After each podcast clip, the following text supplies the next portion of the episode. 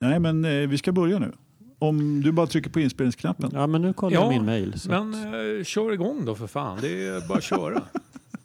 Ja, men då gör vi det då. Ja. Ja, det var jag eh, faktiskt som fick massa... Eh, Avsnitt nummer... eh, Eh, 44. Ja, men jag, tycker, jag tycker vi säger att det är avsnitt nummer 30. Så kommer folk att bli jävligt... Ja, men det gör vi. Fan, vi har missat Ja, ett vi. avsnitt. Avsnitt 30. Det, då skulle, det, sånt där klarar inte jag att hålla masken på. Jag är alldeles för dålig i det. Nej, Ja, men då det- tar någon det annan väl- inledning. Ja, då. nej då. Avsnitt 30. Kom igen. Avsnitt 30. Det står ju 29 här. Hur ska Ja, jag klara avsnitt 30. Men för 30. fan. Jämnt och bra tal. Tänk att inleda nya poddåret med ett jämnt tal. Ja, exakt. Delbart på två.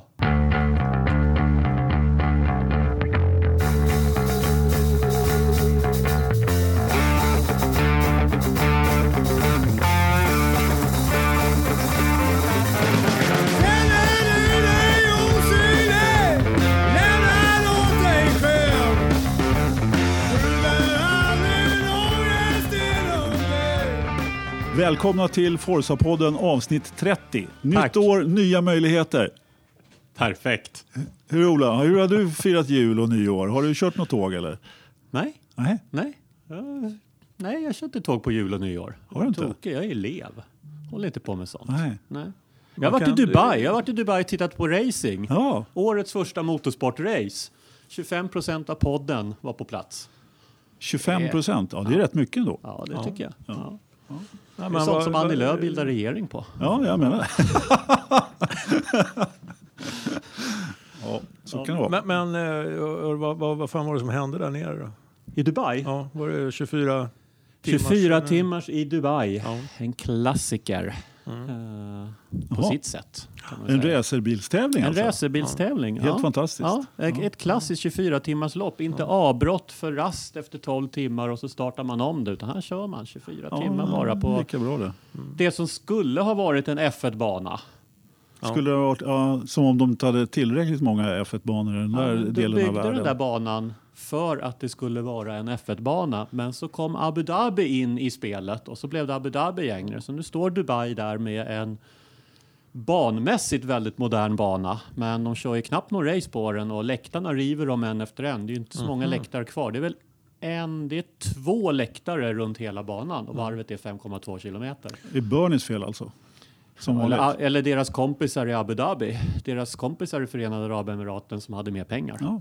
ja, det är för jäkligt. Men, men eh, du Ola, vi ska ta och spela upp ett intressant inslag här som... eh, Ja, just det. du- Jag du- jag du, gjorde ju en intervju på Ja, plats. du hade Ja. ju lite material med Ja. dig från Dubai. Eller, Nej, men vi, rull, vi, det? rull, vi rullar den och så kan vi väl kommentera det efteråt lite grann. Ja, o- Okej, då, vi- då lyssnar vi på det. Ja.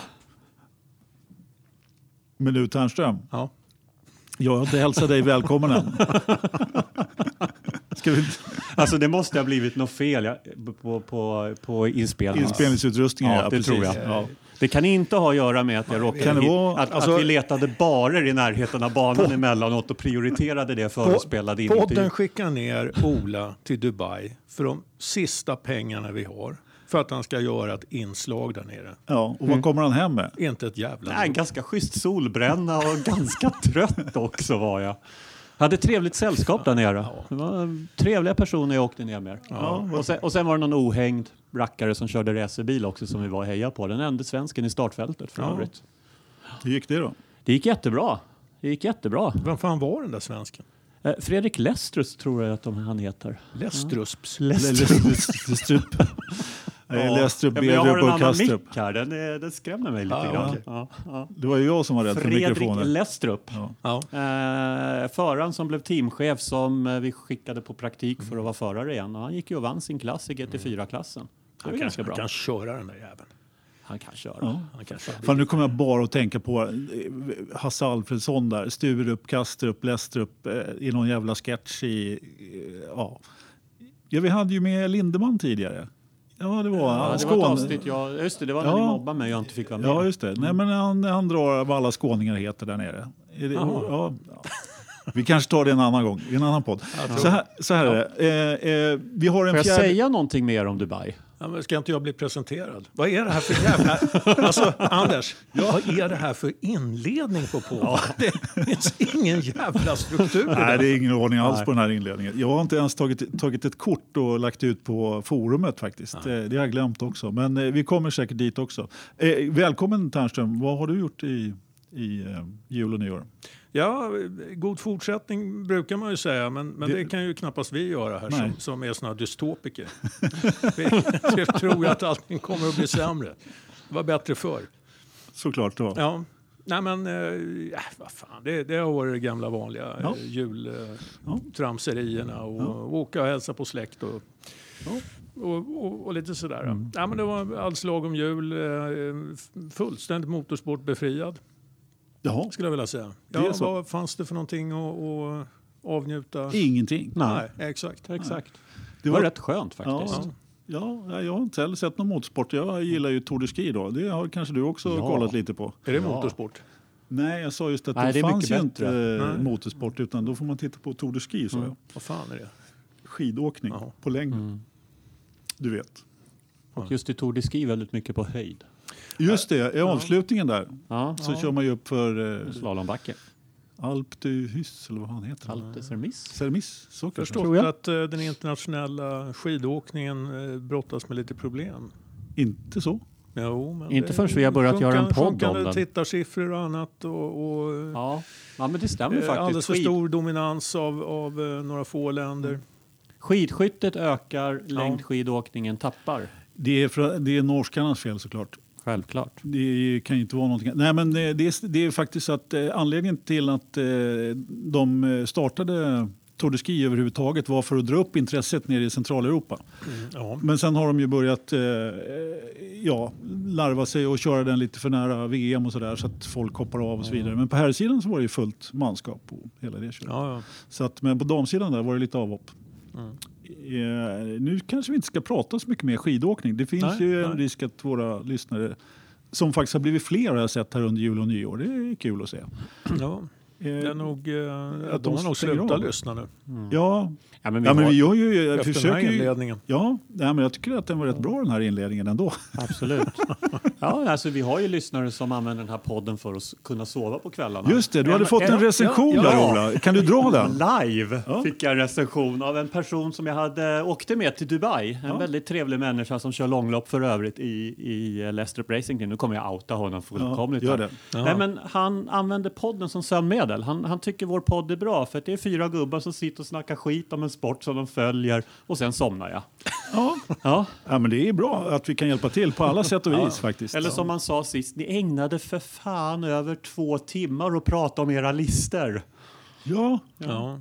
vad är problemet? Men sen fick jag skit för att jag inte hade förberett någon lista. Jag tyckte Ja. den blev bra ändå. Men, ja. okej. Men Nej, den blev inte bra Ola. Det var faktiskt ganska bra. Väldigt lik din. Ja, faktiskt. de var rätt lika, Ja, jag, vet. Ja. jag vet. De var faktiskt rätt. Vi hade ju med Gasly båda två där på listan. Jajamän. Nu ska vi röra till det ännu mer tycker jag, för nu ska vi ringa upp vår fjärde medlem som inte sitter här i vår förnäma studio som är nystädad. Ser ni det?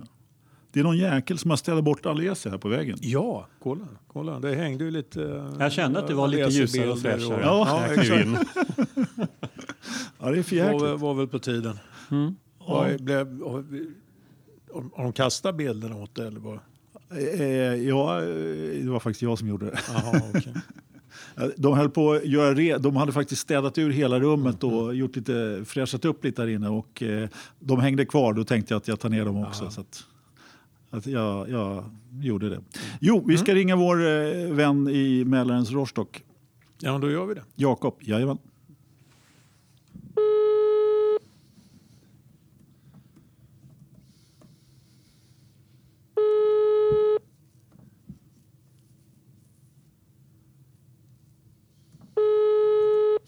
Det blir bra. Det blir bra det här. Han svarar inte. Det här är, det här är poddkvalitet.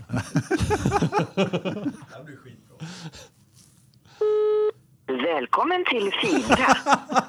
Anknytning 39 52. Nej, men vi tackar Jakob för hans deltagande i avsnitt 30. får vi väl göra ändå. Ja, men det är underbart. Alltså det var ju mycket bättre än min intervju från Dubai. Det måste man Ja, ändå det, säga. det måste man säga. Ja. Det var mycket... Det var bättre ljudkvalitet. Det var mer innehåll, liksom Ja. lite substans ändå. Ja, lite mer köttigt. Ja, precis. Ja, nej, men jag tycker det var väl... Eh, ja, men på något sätt ett, eh, inspel som eh, är rätt... eh, Som vi kan spinna vidare på. Ja, Ja. jag tycker det. Ja. Ja, ja, så, bra. Då ska vi se. Då har jag min telefon framme här om han ringer. Ja. Vi får se om han gör det. Eh, vad skulle jag säga då? Jo, Ja. eh, Vi ska gå vidare till innehållet i dagens avsnitt. just det. Innehållet i Mm. dagens podd. Eh, vi ska prata lite eh, allt möjligt.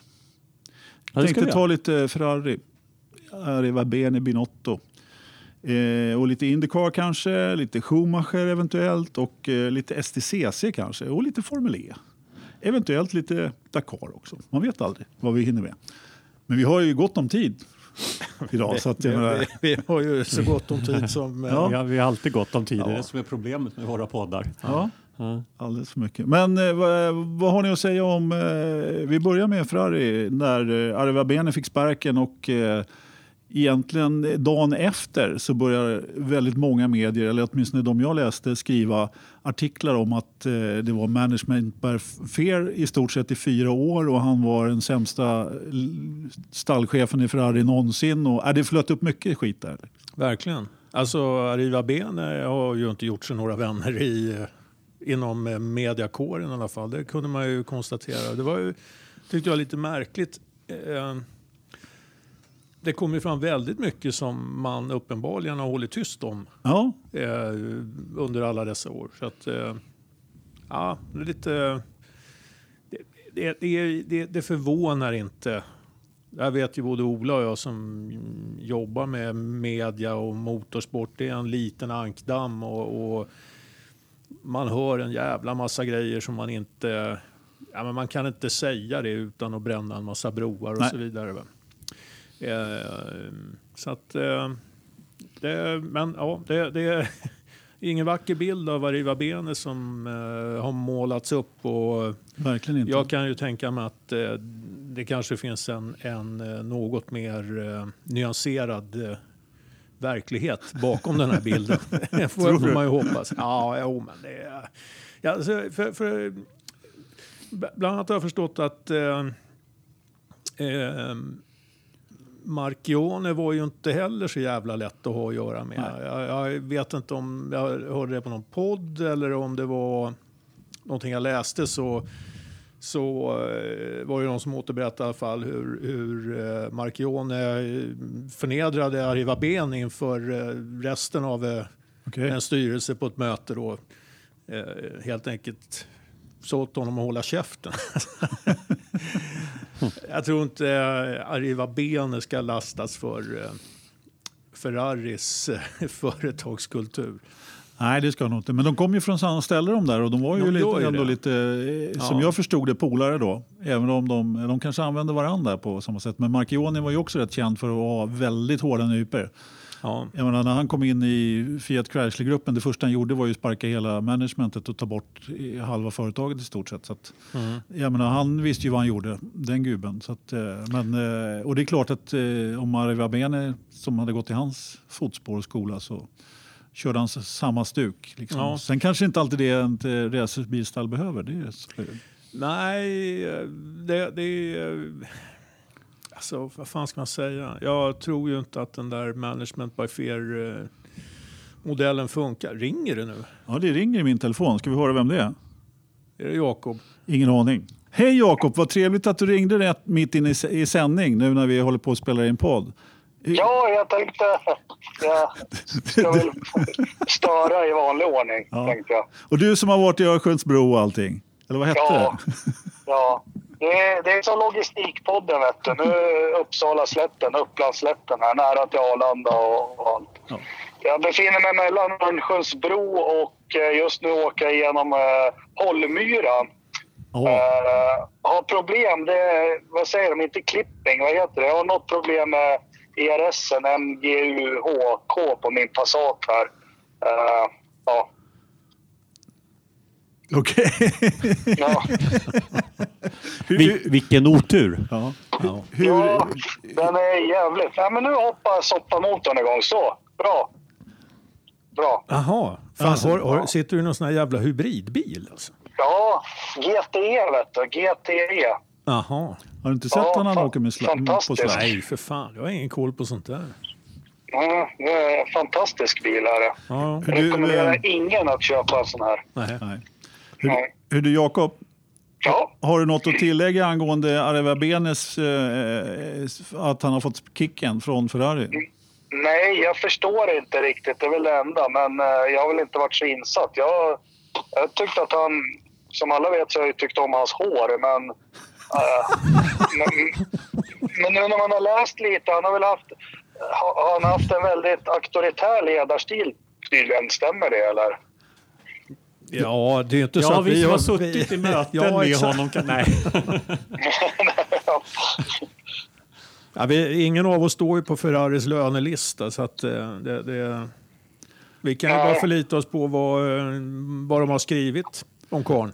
Vi- Fast är det något vi kan är det ju att spekulera. Så. Ja, men precis. Vi är gärna, Om det är någon som lyssnar från Ferrari så är vi gärna villiga att stå på lönelistan. Så det är inte därför. Utan, eh, men till, för tillfället så är vi fristående. Jag tror, eh, Nej, men om jag, om jag får med lite här sändningen, om vi backar då. Eh, vad, vad, vad, vad tror vi? Hur spekulerar vi? Vad, vad, vad söker ett italienskt företag och Ferrari, vad söker de för ledarskap? Med Sean Tott gick det ju jättebra. Sen eh, Dominicale kände jag, han var väl ganska icke-italiensk och så. Eh, varför vill de inte ha kvar honom? Sen kommer den här Snöjdaren in i, i några lopp. Vad hette han nu? Ja, det, vi glömde vad han vi, vi, hette. glöm, vi glömmer igen vad han heter. Ja, och, han från och så har det Kanada. varit Arriva Bene då. Ja. Och som jag har förstått den här som tar över nu ska väl kanske vara lite mer brittisk eller eh, nordeuropeisk. eh, Så. Vad, vad söker de och vad, vad krävs för att, för att leda Ferrari? Ja, men det, du nämnde ju Domenicali där. Det, nu eh, snurrar det ju runt lite rykten om att han är på väg tillbaka och eh, ska ersätta den här Camilleri som väl var den som tog över efter Marchione. Marchione. Ja, Eh, och, och, Jaha, så- Ja, och med, med, med den här Binotti då så lutar väl åt att man ändå försöker upprätta någon form av, av lite mindre auktoritärt ledargarnityr i, i Ferrari. Men jag tror, jag tror ingen på den nivån inom Ferrari eh, det, det är ju inga ömhudade killar det här. Alltså. Nej, du behöver ha lite nyper för att komma så högt i det där stallet garanterat. Sen, sen, sen vi, säger man ju utåt då att han är en tekniker och har en mer mjuk ledarstil och alltihopa. Men jag menar, där, från Arvia Bene till Benotto, jag vet inte. Men eh, det, det lär ju visa sig vad han har för ledarskapsegen, eh, liksom egenskaper också. Eh, för jag menar, tekniken kan han ju. Det, det har han ju fått mycket cred för. Men vad blir, om vi går tillbaka, vad blev Dominicales fall till slut 2013? Var det att de inte fick till 2014-bilen? Var det det liksom? Vad blev hans, vad blev hans fall? Att de inte vann. Ja, det skulle jag också säga. Och att de gick bakåt. Och, sen, ja, och Arriva Bene här nu då, vad, vad, vad, blev, vad föll han på? Att de inte vann. Och Ja. att han var en Ja. skitstövel till ledare. Ja, Om, man, det med. om man ska tro eh, några av de F1-journalisterna vad de har skrivit efteråt. Management by fear. Nej, men det, Ja. det, det är väl, eh, jag menar, det känns ju som att man har dragit slutsatser av, av eh, de senaste säsongerna. Att rent tekniskt så har ju Ferrari liksom varit... De har ju legat väldigt långt fram och haft en jäkligt bra bil. Men eh, misstagen som har gjorts, de, de, eh, det har inte varit några tekniska missar egentligen. Utan de riktigt stora eh, tavlorna där man har tappat många poäng, det är ju, det är ju på depåmuren och i, i Ja, en del- strategimötena inför tävlingen och så Ja, vidare. det har varit en del strategimöten och man kan ju lasta Vettel för en del av de här misstagen också naturligtvis. Och, men så här på sluttampen så känns det ju som att helt plötsligt när Arriva Bene fick sparken så hade Ferrari haft den absolut bästa bilen och vem som helst hade vunnit bara inte Arriva Bene hade varit där. Så det blev väldigt tydligt Jo. på något sätt. Men, men samtidigt, eh, jag, när, när man nu läser de här grejerna som framkommer så känns det... Det, det finns en möjlighet här tror jag att eh, det, det kan vara så att eh, när Marchione dog så eh, kanske det var så att eh, Vettel eh, vart lite nervös därför. Vad, vad, hur kommer framtiden i teamet att se ut? Ja, så- för för eh, Marchione och, och det verkar som att de planerna var väl kända inom teamet. Marchione planerade ju att ersätta Arriva Bene. Jaha. Och, och, eh, eh, men när Marchione dog så, eh, så eh, blev det ju en maktkamp som man har förstått mellan Benotti och Arriva Bene. Vem, vem ska ta över det här? Va? Och, och eh, till slut så, eh, ja, det slutade ju med att det blev eh, Benotti då istället. Och det, kan ju vara, det, det här kan ju ha påverkat eh, Vettels eh, eh, situation, den osäkerheten som han kände. Jag menar, han kanske aldrig har känt sig bekväm med Arriva Bene till men så kan det vara. va? Och, och, och den kulturen som han har stått för i teamet. Så där, eh, där känner jag lite grann nästan att, att eh, jag, jag, har ju, jag har ju spekulerat i att Leclerc ska sopa banan med Vettel. Men om, om det finns sådana här eh, eh, faktorer som har spelat med, liksom att, att Vettel eh, eh, har underpresterat, va? Då, då eh, kanske jag får backa på det känner jag.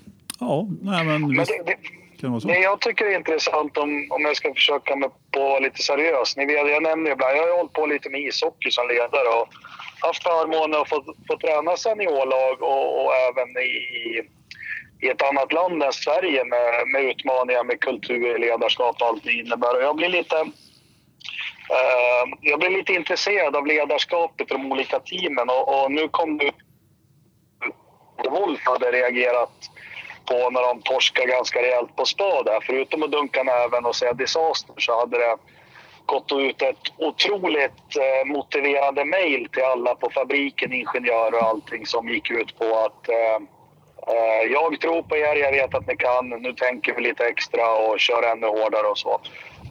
Men Medan det känns som Ferrari i, i alla år nu efter Jean Todt till exempel som man då ska man alltid koncentrera sig på att hitta en syndabock. Jag kommer ihåg när Alonso körde där, då var det Aldo Costa. Då var det hans fel, kommer jag ihåg. Han gjorde ett jättebra jobb hos Mercedesen och så vidare och så vidare. Det är det här lite, vad söker Ferrari egentligen i sitt ledarskap? Men jag Hur tror- är ita- italienare sitt kynne till exempel? Ja, det, jag vet inte om det kanske har, har så mycket med italienare att, att göra som att jag tror att det faktiskt är ett arv eh, från, eh, från eh, redan från Enzo Ferraris Rakt nedstigande led, liksom. Ja, ja, precis. Och, och han var ju inte han var ju inte lätt att göra med. Och, och, och när det var någonting som inte funkade så var det ju inte, det var ju inte hans eh, fel. Ferrari eh, tappade under många år på att eh, de hade ju så jävla dåliga bromsar till exempel.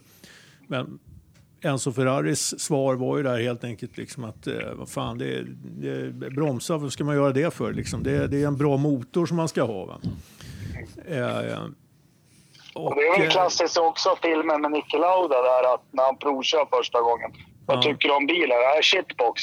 Men herregud, det kan du inte säga när han står och lyssnar. jo, men det här är en Ja, ja. skitbil. Ja, ja. Nej, Men, eh, och det, det, det, så där har väl funkat i Ferrari. Va? Det, sen när han dog så uppstod ju ett vakuum och i det vakuumet så, så eh, finns det inte någon annan eh, etablerad kultur än den som Enzo Ferrari hade etablerat så att säga. Så då uppstår det som regel maktkamper och det är väl så det har sett ut Ja. eh, genom åren. Ja, det var väl också, eh, alltså, ha- senast de vann innan Schumacher började vinna där med Jean Tott och hela ligan, det var väl 79 va? eller något sånt där. Så att det, Ja, check där. Vem var det då? Var det Fogeri och vad var han? Vad heter han? Montezemolo, var han teamboss då? För de var ju, Ja. det var ju de två under en just en lång tid. det, Semlan ja. Ja. Semla har haft lite olika ledarroller genom åren. Ja. Inom Fiat, koncernen, Ferrari, Ferraris F1-team. Han har åkt lite in och ut och Ja. cirkulerat runt där uppe. Ja, helt klart. Ja, han åkte ut med öronen före här för några år sedan i och för sig. Eh, Sen efter det. Sen började han köra tåg istället i Italien. Det var ju mycket mer lukrativt. Men, eh, Nej, spännande. Men jag, jag, jag, jag tänker att det är ju ett lag eller ett team, ett stort företag. Alltså, eh, som i alla verksamheter. Det känns ju inte som att de får någon lugn och ro i Ferrari. Inte direkt nej.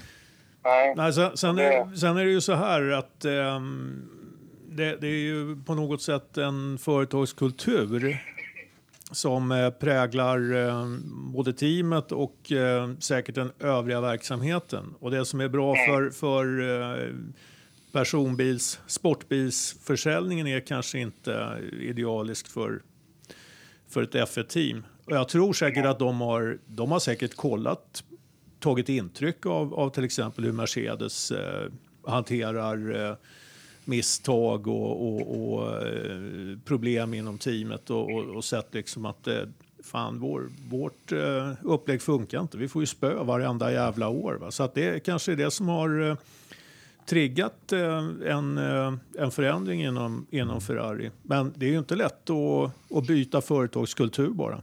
Ja, det gör man Nej. inte bara med en ledare utan det krävs ju ganska lång tid. Men nej, det kan bli ett, han kan nog få sina fiskar varma Binotto nästa år, garanterat. Ja, det beror på vad de kommer ut med för... Alltså, han hinner ju inte ändra på något inför säsongen som kommer. Ah, det han hinner ändra är ju kanske lite arbetssätt naturligtvis. Eh, Sen är ju, du tänker på liksom, Jag menar det tekniska det har ju han hållit på att jobba Ja. med. Va? Så det, där finns det ju inget, eh, där uppstår ju inget glapp eller någonting. Utan det, det är ju de här mjuka, mjuka värdena så att säga.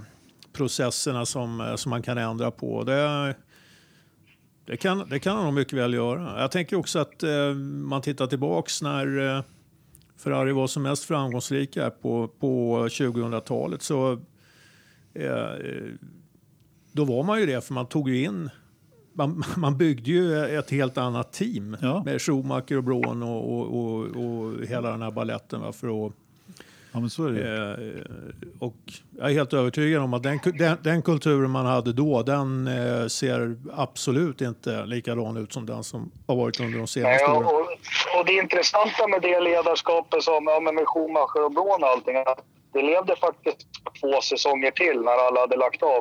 07 och 08 så var de ju faktiskt med. De vann VM 07 och 08 eh, med nya personer. Sen började det dala 09. Eh, just att, eh, men det är också intressant man läser nu, det är mycket hyllningar om Schumacher och sånt när man förstår egentligen hur mycket han betyder. Nu vet inte jag om det kanske är en liten gråtvals man kör för att det är som det är, men många hävdar ju nu att han betyder otroligt mycket för de framgångar som Mercedes har nu och, och la grunden till det. Ja, att han hade det, väldigt... det kom ju lagom lämpligt till att han fyllde 50 Ja. också. Alla på hel, hela, Ja. hela motorsportvärlden skulle lägga ut hyllningsbilder till honom. Så det var ju bara Mercedes sätt att följa med den hashtaggen. Jag vet Ja. inte. Det kan nog ha någonting med det att göra också. Men du, Jakob, vi har faktiskt nästa punkt på agendan här i, i The Pod. Eh, är faktiskt eh, skum i 50 år, eh, Schumacher 50 år. Ja. Vad, vad är din eh, bild av eh, herr Schumacher sådär rent generellt? Eh, nej, men han, jag har ingen bild av honom faktiskt egentligen. Inte på samma sätt som, som av andra stora förare, Senna och sånt. Han var, han var ingen karaktär för mig. Eh, sen, sen så går det inte att bortse från hur han jävel på att köra bil helt enkelt. Det, eh, så är det. Jag, jag, jag vet inte riktigt. Man har ju lyssnat på alla de här hyllningspoddarna och, och allting. Men han... Eh, en dedikerad sitt jobb och otroligt, otroligt skicklig chaufför. Eh, det är väl det man kan säga. Eh, jätteintressant tycker jag. Ross Braun ställer väl upp på någon intervju apropå Schumacher. Alltid kul när man får lite från, från insidan. Har ni lyssnat på den? Nej. Nej, faktiskt inte. Nej, men då berättar han apropå eh, Jerez 97 där med Villeneuve. Mm. Att när eh, Mikael, Michael eller vad man kallar när han kommer tillbaka till, till depån efter att han stått på muren där och glott så är han rosenrasande och verkligen på fullt allvar att Villeneuve är en William. Han ska stängas av. Han, eh, ja, han var verkligen hjälte, men då, då sa då, till slut fick han att lugna ner sig och visa liksom tv-bilderna. Ja. Eh, och då kom han liksom till sans. Men det, det är liksom hans inställning till sporten och allting. Men jag vet inte, vad säger ni om Schumacher? Vad har ni för... Ja, men det är ganska intressant det där för att det, det, det, det där eh, just det där du säger att man är så mycket uppe i det. Det är lite som man, Ja. eh, man tror att allt man gör är rätt och sant mitt, mitt Ja. ihop när man är upp- uppe i det. Men, Ola, vad- du som är stor eh, Schumacher-älskare. vad- Nej. jag har... Nej, jag har ingen... Jag har ingen relation till Schumacher. Jag tänker inte något särskilt.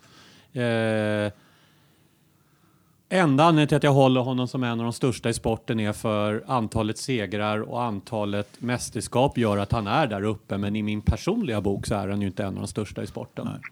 Nej, jag känner Men i min personliga samma. bok så är det Ja, helt andra kriterier som gör vilka som är mina största F1-förare. Och det har ingenting att göra, det har inte nödvändigtvis någonting att göra med antalet segrar och antalet mästerskap. För mig var Schumacher, ing, det slog, eh, var aldrig någon förare som slog an hos mig på något vis överhuvudtaget. Jag upplevde honom som oärlig, jag upplevde honom som falsk i sitt eh, framträdande. Och, eh, Arrogant. Ja, är Arrogant. Absolut. Så nej, för mig var det inte en förare som hade några egenskaper som jag personligen gör, gör att jag tycker att det är en sympatisk sportsperson. Sen går det inte att frånta att han har, han har den största meritlistan av alla F1-förare genom tiderna. Men han har ingenting som slår an hos mig som gör att jag tyck, be, beundrar honom som idrottsperson. Jag, jag, Eller idrottspersonlighet ska man kanske säga. jag delar väl den där bilden till, eh, till viss del. Alltså Schumacher var ju en förare som man väldigt, väldigt gärna ville få se åka på stryk. Men, alltså, men han, var ju, han var ju närmast maskinmässig, robotaktig i, sin, eh, i sitt sätt att, att, vara och, och eh, tävla på något sätt. Va? Det var som en jävla maskin som, som liksom bara sopa in den ena segern efter den andra. Och eh, eh, han, han hade ju inte... Det, det fanns ju inte den här underdog... Eh, eh, personligheten heller hos honom. Va? Utan eh, han, var, han var en rätt... Eh, han kunde ju vara en rätt eh, arrogant lirare. Sen tror jag... Eh, jag tyckte han, precis i likhet med Senna, mjuknade ju en hel del eh, mot slutet av sin karriär. Och jag tror säkert att han, han hade nog haft en hel del jäkligt intressant att berätta och förmedla om sin karriär i efterhand. Oh ja. Men det fick vi ju tyvärr aldrig ta del av på något sätt. Han eh, råkade ut för den här jädra olyckan alldeles för tidigt. Liksom. Men helt klart eh, en, en av de största någonsin. Men ingen som jag någonsin har, har hållit på. Ingen alltså. större favorit. Jag tyckte, dä- däremot så började jag hålla på honom lite grann när han körde för eh, Mercedes där på. Ja, det är samma här. Då ville man... Ja, Eh, eh, nej, men det, det jag tänker, Anders, du ska få, också få säga något. Men, precis, men han födde det liksom som... Jag började ju känna... Så här, men som du sa, underdog. Jag gillar ju Montoya otroligt mycket, men det var ju för att han gav sig på bästen liksom. Det var ju därför Montoya hade liksom... Jag Ja. kanske inte hade någonting till övers för honom, men han var, liksom tog fighten med, med, med Schumacher ordentligt. Eller försökte Jo, men det gjorde han. ja. Nej, men, det, det paradoxala är ju egentligen att, att det man, man kanske tycker är Schumachers brist på personlighet bildade ju en, eh, en bakgrund liksom, som, som de här andra lirarna som skulle försöka slå honom kunde profi, profilera sig mot. Va? Alltså, min bild av Schumacher är faktiskt lite annorlunda än eran. Eh, jag, jag, hade, jag höll faktiskt på Schumacher en gång i tiden. Det, det, det har Det du mörkat. Jajamensan, det Kommer, mörk, kom, kommer ut nu. det har mörkat rätt hårt. Förr eller senare Ja. kommer allting Jaha. fram. Ja, men det gör ju det. Nej, men när han eh, debuterade, Spa 91 va? var det väl som han debuterade. Och eh, körde Jordan istället för Gachot som hade fått vad, vad har han gjort? Han sprayade tårgas i ansiktet på en taxichaffis i London och åkte Ja, i finkan. så att, Precis. Vad hette han, eh, procentaren där, Ville Weber, han, Schumachers eh, manager, han satte väl huset och allt i pant och, eh, hos Eddie Jordan som fick köra ett lopp. Och eh, Schumacher satte väl den där bilen på sjunde, tror jag. Fast det är fel. Han kvalade en åtta, men det var en som fick flytta ner så han startade sju. Ja, han startade sjua, kval åtta. Ja, bra där. Tack Ja, Jakob. ja. Ja, men efter, efter det så när han väl körde för Benetton, vem, vem styrning tog han över i Benetton? Jakob? Piqué. Piqué, så är det. Nej, Moreno tog han ju egentligen då. Ja, Han bytte, Moreno han bytte plats till Monza där 91. just det. Ja. Och därefter så har jag, så här, mitt minne i alla fall av det hela är att det, han var på pallen. han gjorde väldigt bra lopp. Ja, då, under det året så höll jag på Schumacher för jag tyckte han, han...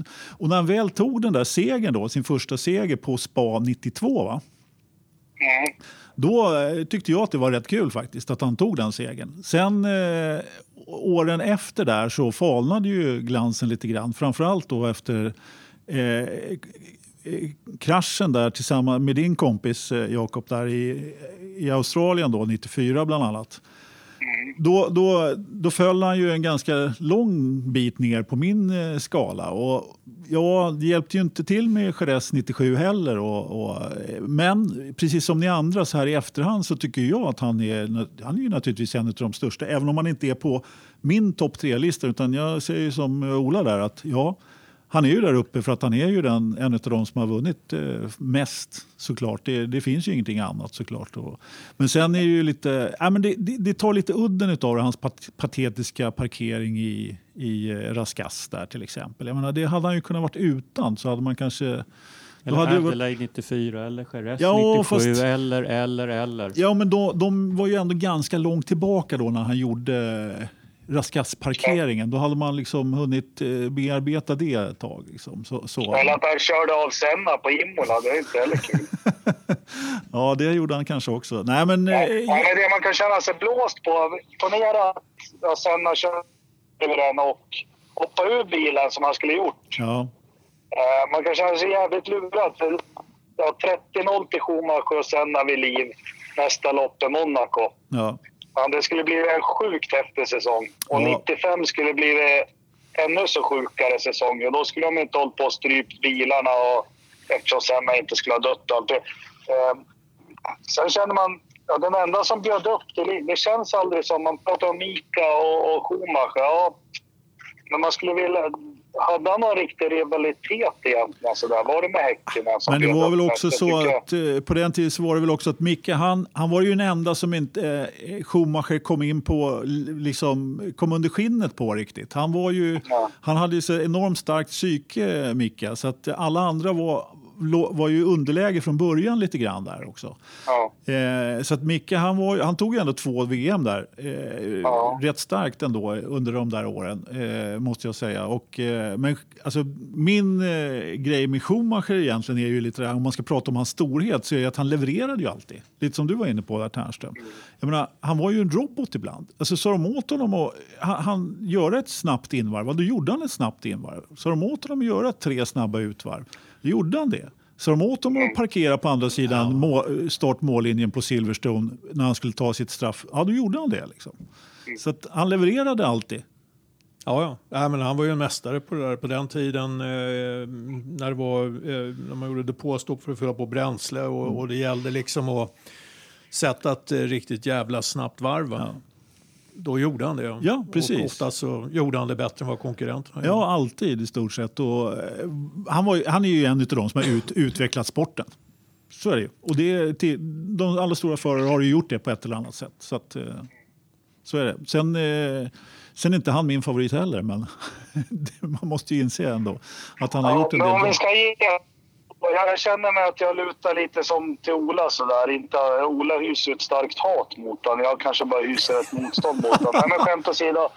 Eh, Tack för- tack för att du talar om för mig vad jag tycker, Jakob. eh, Spa 95, de här varven han gör på Torrbäck mot Damon Hill. Eh, de är faktiskt fantastiska. Det är ingenting man skulle se idag.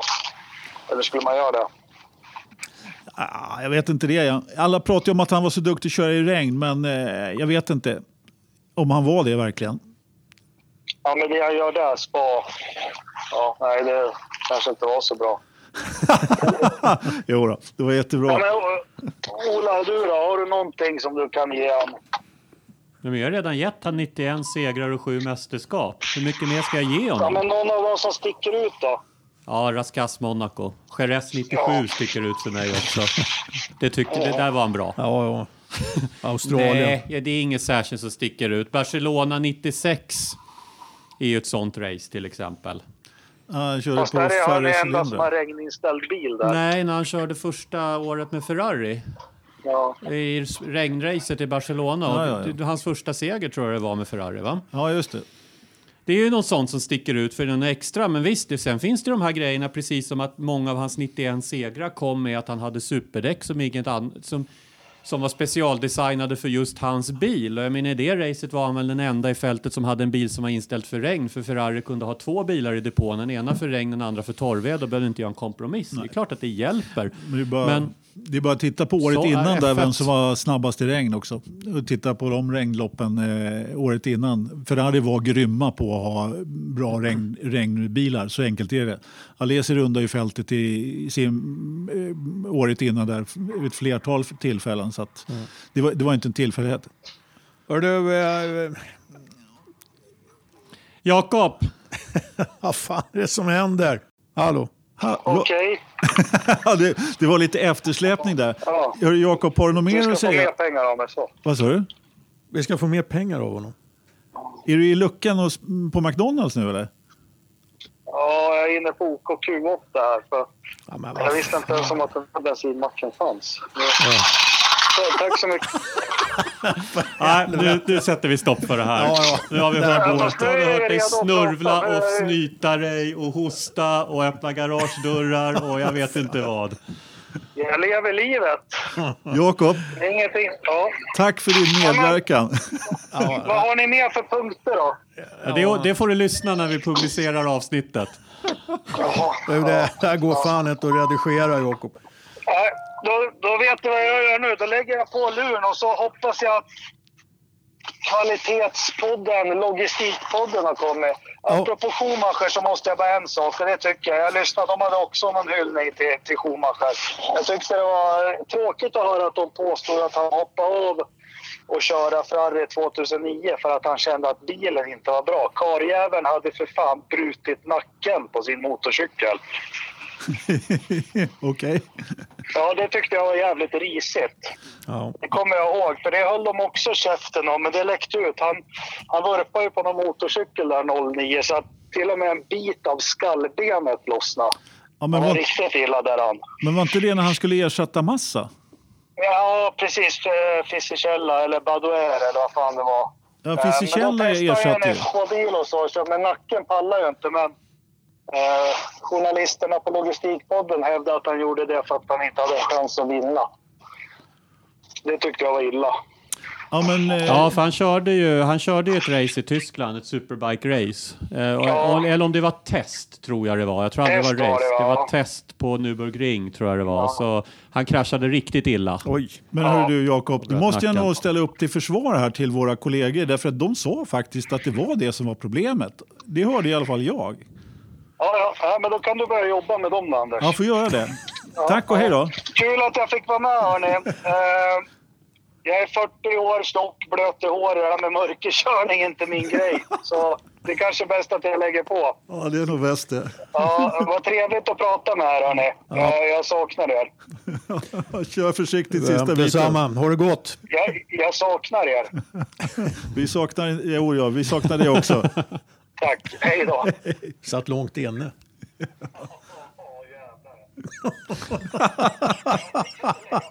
Nej, men jag lägger på nu Jakob.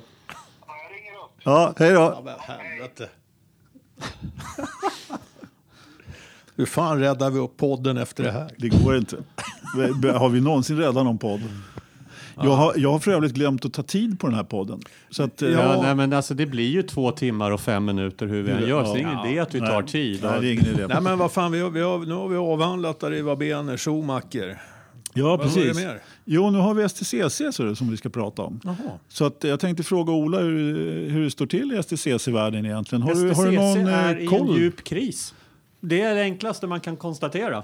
Jaha. STCC är en djup kris. Jag är inte ens säker på att det blir ett STCC. Är det så illa? Alltså? Ja, så Ja, illa. för jag har ju ingen koll, därför jag läser ju egentligen bara det som ja, kommer men ut på... det, ja, precis. Och eftersom, du, eftersom du läser om motorsport så har du inte hört något från STCC för det är tvärtyst. Ja, okej. Förutom att de hade den fina nyheten att de avslöjade sin egen kalender.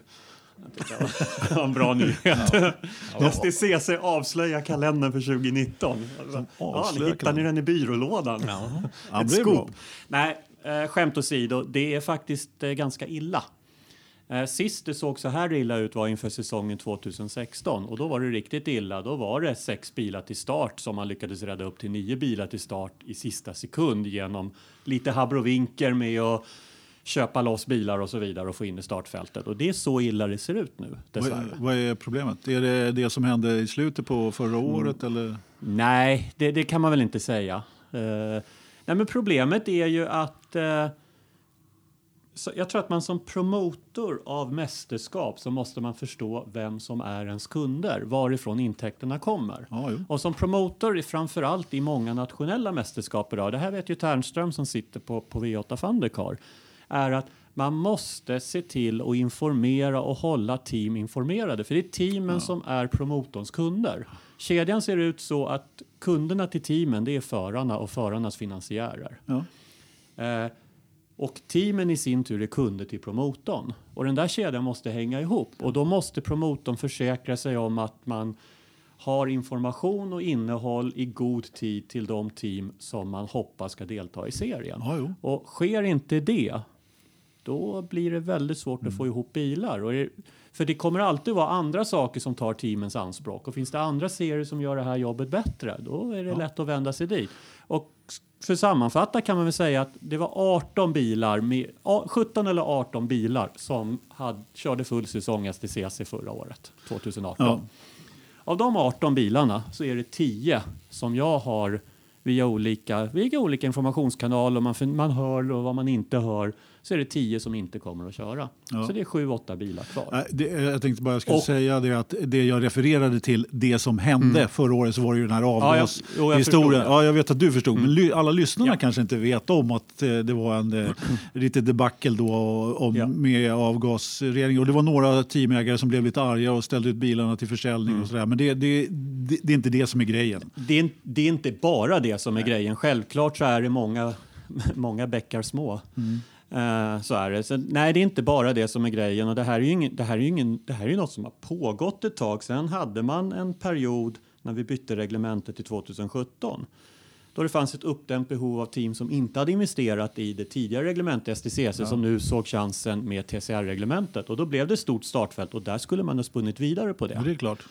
Eh, till 18 minskade antalet. Det borde ha varit en varningsklocka i sig att det går åt fel håll. Och nu sitter vi i en situation i mitten av januari där det ser ut som att eh, vi får inte ihop ett två, det blir inte tvåsiffrigt startfält Nej. om det vill sig riktigt illa. Ehm, och Filip Morin, eh, en av, ja han vann ju junior-SM i STCC i sin debut i STCC. Duktig Porsche-förare, 22-årig talang. Eh, meddelade här för en vecka sedan att han lägger av med racing helt och hållet. Okej. Han har tappat lusten och motivationen för det.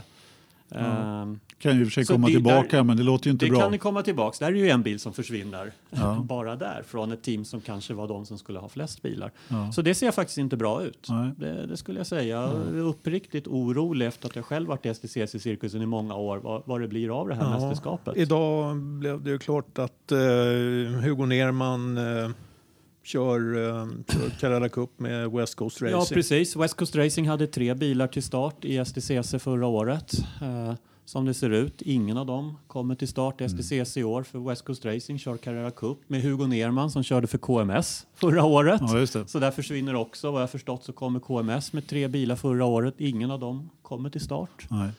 och så vidare och så vidare. Så att, eh, det är och det kan väl vara så att team kommer och går och förare och bilar kommer och går, men om man inte hör någonting om att det är andra som jobbar på att komma in och ta deras Nej. ställe, då, då blir man ju också lite orolig. Det är ungefär så situationen är. Mm. Ja, men det, det är illavarslande. Jag tänkte jag ska för sakens skull eh, lägga in en brasklapp och den gäller väl även för dig Ola eftersom du är involverad i, i, eh, i sporten. I, eh, springer omkring i kulisserna och Mm. Roddar och har det precis som jag gör. Och, och vi vet och hör saker. Och det här säger jag till våra lyssnare då. Eh, eh, för att eh, de inte ska läsa mellan raderna. vi, har ju, vi har ju tagit upp den här frågan med att sitta på flera stolar. Då har vi, ju- var vi kritiska mot Viasat-gänget och deras koppling till Sauber tidigare. Och, och, och ska vi prata STCC så gäller ju faktiskt samma sak här. Jag, jag har, jag har V8 Fandikor som uppdragsgivare. Och, jag, kan, jag, jag, jag kan inte säga allting som jag vet och hör i, i, med tanke på det eftersom ja, vi har ju relationer med, med andra aktörer inom motorsporten och så vidare. Eh, och eh, det finns naturligtvis saker man hör som inte är avsedda att eh, Ska komma. dryf, dryftas eh, offentligt. Eh, eh, med det sagt eh, så eh, känner väl jag som Ola att, att eh, läget är bekymmersamt. Men jag skulle ändå vilja anlägga en, eh, ett, ett, ett konstruktivt perspektiv eh, på det här.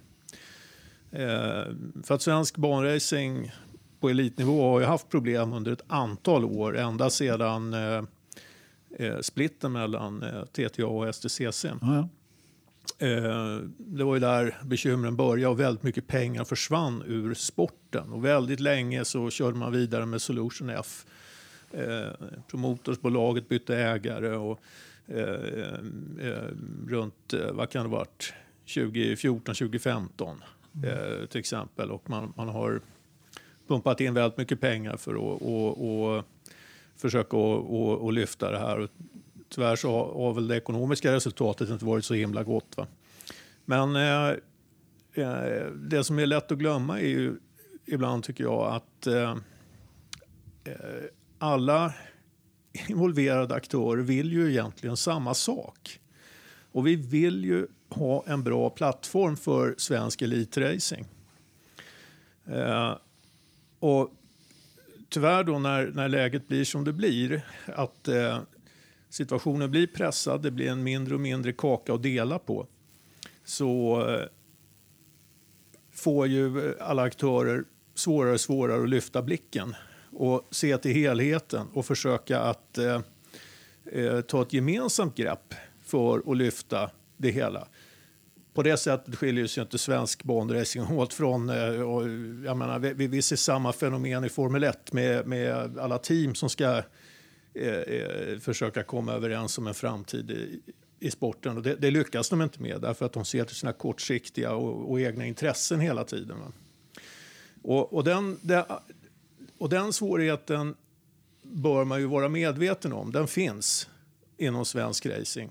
Och vi, vi är ju inte unika och det, och det sker ju inte av någon illvilja heller. Utan när, när det blir tufft, då ser man till sina egna intressen. Utan dem så eh, kan man ju liksom inte... Då, då har man ju ingenting att erbjuda någon annan heller va, om, man, om man dukar under. Eh, Det finns en aktör som jag eh, eh, tycker borde kunna spela en positiv roll i detta. Och det är Svenska Bilsportförbundet. Eh, ja, jag, jag tycker att man borde kliva in, samla alla aktörer, promotor, deltagare, eh, klassansvariga och eh, arrangörer, banägare och klubbar. För att ha någon liten... Eh, Ja, men för, att få igång, eh, för att få igång ett samtal, vi sitter i samma båt allihopa.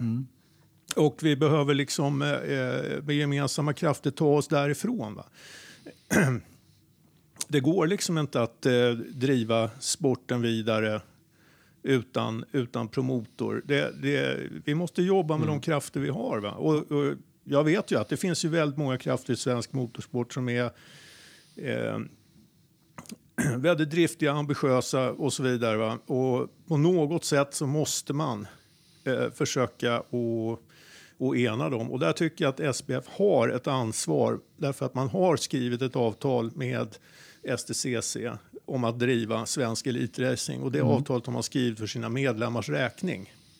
Och nu är det väldigt många medlemmar på elitnivå som har problem. Och eh, eh, därför tycker jag att eh, SPF borde ta en mycket, mycket klarare och tydligare roll för att eh, hjälpa till och, och leda oss eh, ut ur den här situationen. ja, just det. Ja, nej, men... Det låter ju eh, inte lika dystert som vanligt, men... Eh, Ja, men alltså, jag, jag hoppas ju på att det blir ett okej startfält i STCC. jo, det är klart. Och eh, jag vet att för vår del, vi åtta fan i kors, så kommer vi nog förhoppningsvis kunna, kunna visa upp ett, eh, ytterligare lite, lite, lite, lite större startfält än i fjol. Ja. Eh, så det, det känns ju bra, men vi behöver, eh, eh, vi behöver få ihop helheten också i svensk racing. Jo, men så är det ju. Så är det ju alltid. Det behöver man ju ha såklart. Jaha, vad bra. Eh, då har vi täckt in lite STCC i dagens avsnitt också. Det är ju inte riktigt varje dag som vi har det faktiskt. Eh, nu tänkte jag vi skulle prata lite Formel E. Det har ju faktiskt varit, eh, du hade ju haft total av- avhållsamhet från eh, motorsport, eller ni har haft det båda två. Ja, Men förra, hel- nu i helgen var det ju faktiskt lite stämmer. Formel E. Då, då. Var, eh, var det någon av er som såg loppet? Jag började kolla och insåg att det här är inget roligt längre. eh, saken är den att det, det, jag, jag har ju följt Formel E sedan eh, klassen började. Jag har alltid tyckt det har varit kul att kolla Ja. på den. Eh, så det har ingenting att göra med att Felix har försvunnit ur klassen. Nej. Det, det var liksom inte det som höll mitt intresse vid liv där. Utan eh, det är bara det att jag gillar inte den nya generationens bilar.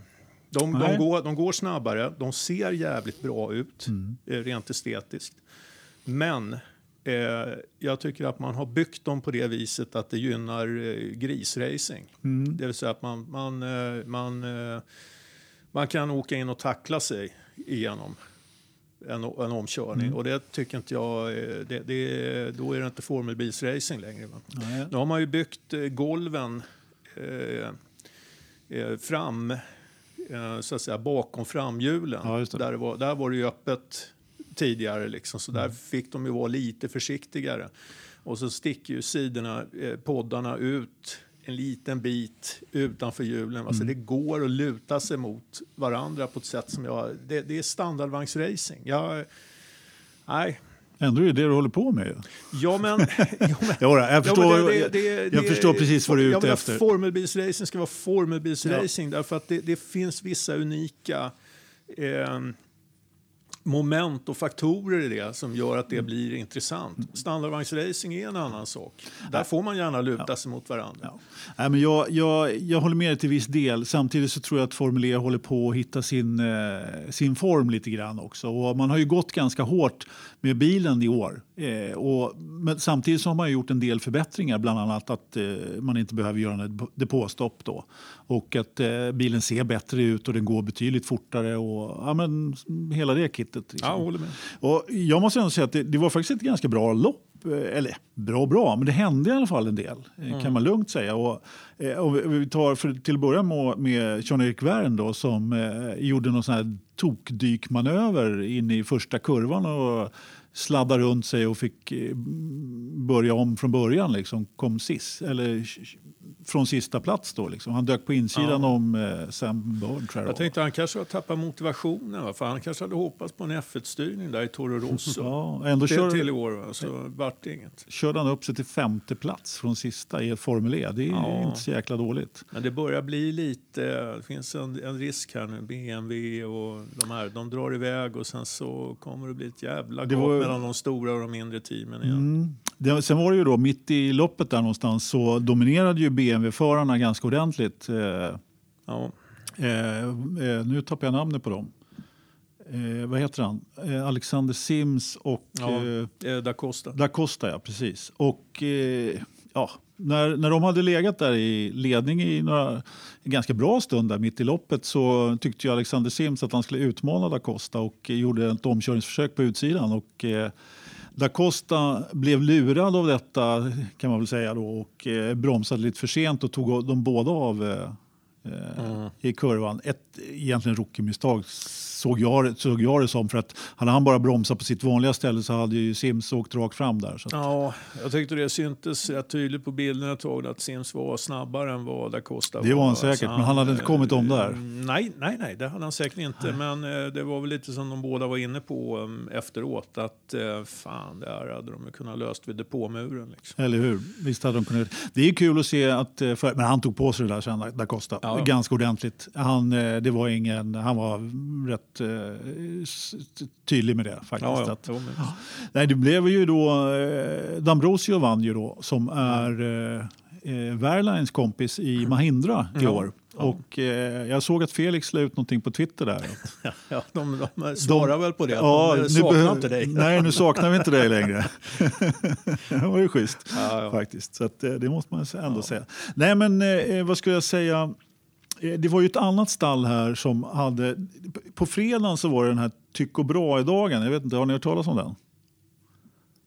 Ola, Ja. vet du det? Men jag har inte ens sett Formel E-racet. Nej, men nu pratar jag om någonting helt annat. I kalendern så finns något... Är, han, är det en racerförare? nej, ty, nej, det är ingen racerförare. Nej. Jag kan jag inte... undrar mer hur du ska få in tyck och bra i ett Formel E-segment. Så att ja, ja kör. Det- Jo, det är så här att de, de, eh, på fredagen så var det Tycho Brahe-dag. Det är ju en otursdag då, tydligen. Jaha. De hade ju någon färja i Helsingborg där som körde på kajerna hela tiden. Den hette Tycho Brahe bland annat. Men eh, i vilket fall som helst så, så finns det ett stall då i Formel E som heter, eh, eh, som heter eh, A- HWA som har två förare som heter eh, Gary Paffett, en gammal duktig DTM-förare Ja. och eh, Stoffel van Dorn. Ja. Känd från en eh, orange bil i Formel 1. En succékarriär i Ja. Formel 1. Precis, just det. Ja. Exakt. Och då har de, eh, som tröttström jag är då, eh, så tycker jag att de har en väldigt fin regel i Formel E. Det, det är att de får inte komma hur tidigt som helst på morgonen och börja mecka med bilarna. Så de har en regel där att de får liksom inte eh, de får inte börja mecka på bilarna. Om det var halv åtta eller något där, halv sju kanske eller något. Det är som F1 också har va? Ja, de har ju också börjat med, med något sånt där. Men i vilket fall som helst så hade då en HVA-meck där, morgonpigg rackare, han hade ju naturligtvis låst upp garaget och satt sig på en stol där inne i garaget och öppnat sin laptop. Aha. Och det fick han ju inte göra. För det var ju, Nej, nej. det var ju Nej, förbjudet liksom Ja. att överhuvudtaget vara i garaget. Så när de var, det var några kontrollanter där, så de åkte, det första de gjorde liksom på racedagen det var att åkte på böter. Men, För att det var en snubbe som satt med laptop i, i garaget. Och, eh, hur, hur jävla dålig koll kan man ha liksom? Ja, men eller hur. Nu, nu höll han ju inte på bilen så att de slapp ett hårdare straff. Annars hade det varit ännu värre. Då, då. Och eh, ja, så det var väl en, det här stallet hade ju ingen vidare idag kan man säga eftersom Gary Paffett och Stoffel van Dorn kraschade i första kurvan. Så det var egentligen bara att packa och åka hem därifrån. Egentligen. Så att, eh, ja, det var, det var ingen vidare. Då. Jag tror faktiskt att det var Paffett som körde in i, i Stoffel. Men eh, det gick inget vidare loppet innan heller och eh, det går inget vidare fortsättningsvis för någon av de där två förarna. Jag tror att du konstaterade det här förut att de låg inte så jättehögt upp i mästerskapet, Ola. Du som inte har sett några lopp. Nej, jag har inte sett ett enda Formel E-lopp eh, i år heller. Så att, eh, jag var tvungen att gå in och kolla och konstatera att de båda hade noll poäng i alla fall. Så Ja. det kan ju inte ha gått jättebra för dem. Nej, så går det. Så går det. Och jag tror att eh, Verline blev också påkörd precis i början där och eh, fick bryta. Hade inte heller Gjorde någon... Jenson Button ett inhopp eller? Du tänkte på när Button vände på Verline i Monaco? Ja. Ja, ja, det var en fin vändning. Alla gånger. Nej, men han... Eh, jag vet faktiskt inte riktigt vad som hände med honom. Men hans kompis vann ju så att... Eh, det var rätt stor skillnad där med insatserna kan man ju lugnt säga. Det var, det var ju Verlines... sämre motor. Det tror jag med. Det var ju ver- framförallt så bättre däck som han hade i, eh, rätt däckstemperatur. Massa var ju med också. Ja, det gick jättebra för honom. Han kom Ja, väl sist ja, tror jag. ja. Av de som rullade. Ja. ja, men det var som eh, vi sa lite grann innan här. Det är, det är ju inte någon garanti eh, att det ska gå bra bara för att man har kört F1. Va? Nej, långt ifrån. Långt ifrån. Alltså Jean-Erik Wern är ju egentligen... Han gjorde ju missen där i början och körde upp sig till femte plats och har rejält med fart. Men det finns ju några, vi har ju pratat om det förut, att det finns väldigt många kompetenta förare i startfältet. Ja, Oh, ja. Oh, ja. Felipe Massa är ju inte en av dem skulle jag säga. Jag vet inte. ja, ändå har han en, eh, han har en bra karriär bakom sig. Men, Ja, men, jo, men ja, eh, grejen visst. är, det är, raljerar lite. det är ju med motivation också. Ja. Och, och eh, jag tänker det, det är för en F1-förare som är van vid den miljön och, och ska backa tillbaks till, till eh, en lägre klass där pressen kanske inte är lika stor. Va? Alltså det kanske blir lite, ja, kanske kommer dit med lite förväntningar om att där ska de gå bra ändå. Liksom. Ja, men kan jag ta har det ärligt talat, jag Det förstår inte vad just Massa gör där. Jag förstår, jag förstår inte. Han, Fan. Massa, han borde ha kört Indycar. ja, precis. Där hade han väl passar kunnat gjort. bra, alltså. Vilket... Vilket, Jag tror inte han gillar ovalerna. Nej. Nej, nej, men så kan det ju vara. Ja, ja, Vilket visst, eh, för oss över på nästa ämne i podden, om vi ska Exakt. prata lite Indycar. Ja, det enda jag har att säga om Formel E, även om vi ska försöka bli bättre på att avsluta avsluta ämnena är ju att jag menar för mig så hamnar Formel E en del av året och det faktiskt är ganska skönt med totalt break från motorsport. Ja.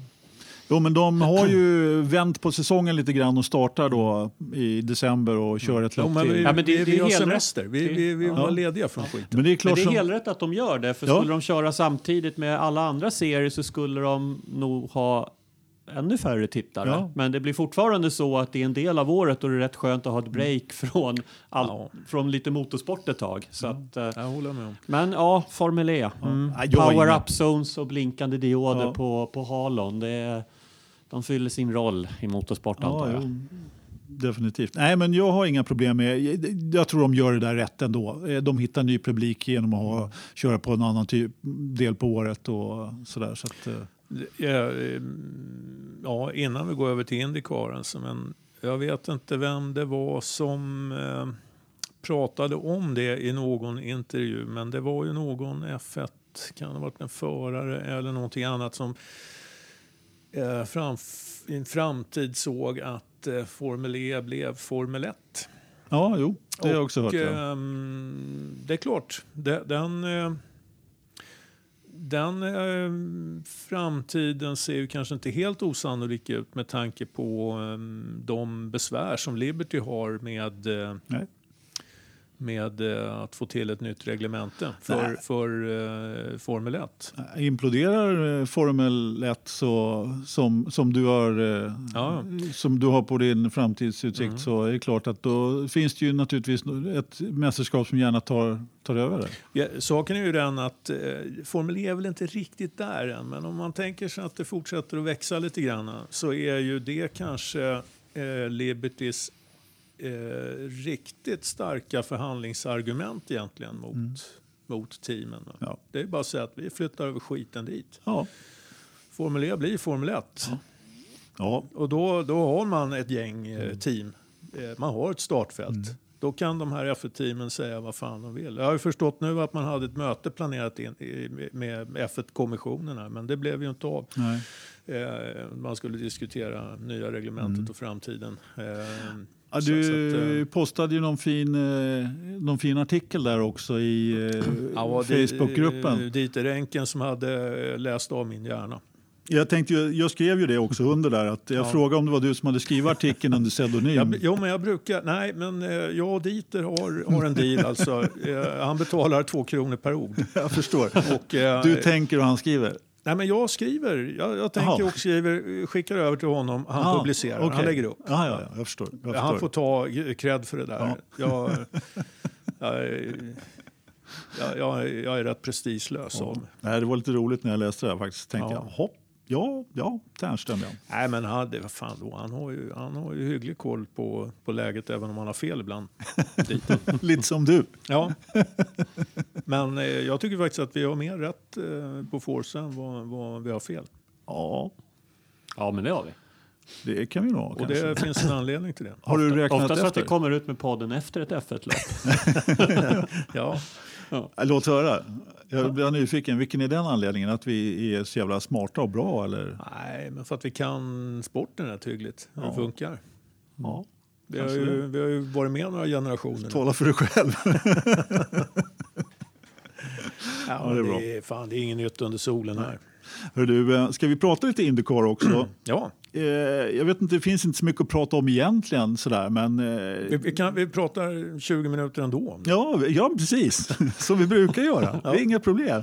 Nej, men det, det, det som slår mig lite grann är att det pumpas ut artiklar om, eh, inte bara om våra svenska deltagare, men, om, ja, men det kommer rätt mycket nyheter ändå, så här off-season, eh, om säsongen som ska starta. Det är man inte riktigt van vid. Så där. Sen är det klart att man, man säger nu, vi som motorsportintresserade har, har, intresset för Indycar naturligtvis kanske stegras lite grann då, så man kanske ser lite fler nyheter då. då. Men herregud, man, Jo, så är det. är man motorsportintresserad så läs, skannar man ju ändå flödet sådär. Och jag tycker mig se en ökad, eh, ett ökat intresse sådär.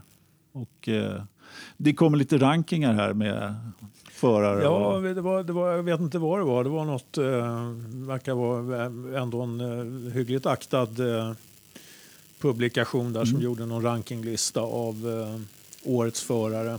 Och eh, våra svenska förmågor hamnar inte så högt upp. ja, jag tror, tror de hamnar, de är nog lite försiktiga, men högt och högt. 12 och 13. Ja, ja. Och, och Marcus för Felix. Ja. De där eh, var lite intressant tycker jag att de...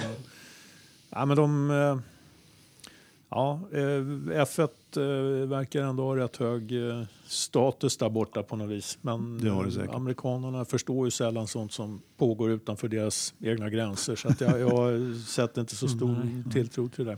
Nej, men jag, jag, det, det, nej, men det är väl kul. Ja. Det är kul att de pumpar ut grejer. Det verkar vara... Eh, de verkar känna väldigt stor tillförsikt och de verkar märka av ett ökat Ja. intresse Det känns som att det är ett eh, mästerskap på uppgång. eh, Absolut. Lite så. Och, och, och man eh, jobbar för att att köra Surfers Mm. Paradise igen i Australien. Eh, man eh, har ju... Eh, eh, man har ju saknat eh, en, en rättighetsavdelning inom Mm. organisationen som man nu har, har eh, eh, Styrt upp, ja. styrt upp så att man kan börja förhandla sändningsrättigheter Mm. med omvärlden och så vidare. Precis. Så att eh, det, det kan nog bli eh, väldigt intressant det där tror jag. Ja, ja, kul att de... eh, Kul att, de är, att det är någonting inom motorsporten som är på väg upp. Ja, faktiskt. eller hur? Vad säger du Ola, har du gjort någon egen ranking eller? Absolut. Ja. Eh, Jag brukar alltid ranka, ranka förarna inför en säsong. Ja, Mm. jag menar det. Nej, jag tycker väl de, de, de... Ska man nu ge sig på en ranking innan säsongen har startat av det startfältet som finns så tycker jag väl inte orimligt att placera de två svenska förarna ungefär där de är placerade. Eh, Alla de som de är placerade framför den där listan är ju rutinerade, erfarna, prövat, erkänt duktiga Indycar-förare. Fem rookies va? I totalt i serien? Ja. men det kan väl kanske stämma. Inklusive han eh, Ferrucci. Mm. Som har kört Ja. något race eller två. Ja, han körde- Men ja. eh, nej, det är väl... Ja, man kan väl diskutera vad en sån ranking är värd när man inte har någonting att gå på än annat. Och ska Marcus vara före Felix eller inte? Ja. de, de är ju... De ligger på samma oprövade nivå i Indycar-sammanhang bägge två Mm. så här in, innan säsongen är igång. Eh, så får vi se. Så får vi se hur det går. De har väl lite olika förutsättningar men inte lika stor skillnad som det skulle vara i F1. Så Nej, vi får väl se hur det går. absolut inte. Eh, Jag vet inte om jag håller med om att Indycar är på uppgång däremot. Nej. Nej, det. gör jag inte. Jag tycker det, det är väl ungefär om- som det har sett ut de senaste åren. Det, det är ungefär så här det brukar se ut. Jaha. Och helt klart är det på uppgång i Sverige för vi har två svenska förare men finns ju ingenting som tyder på att det är någon slags boost i tittarsiffror eller publiksiffror just i år. Det är ungefär samma förare men som vi säger fem nya rookies varav två är svenskar men det är i sin tur inte något som boostar någonting. Eh, De, de, de har hittat en nivå i Indycar och jag tycker att de har alldeles för låga siffror i förhållande till den underhållning som de faktiskt bjuder på den där serien. Men det tar liksom inte fart. De är fick, man ganska... inte, fick man inte vara glad längre. Nej.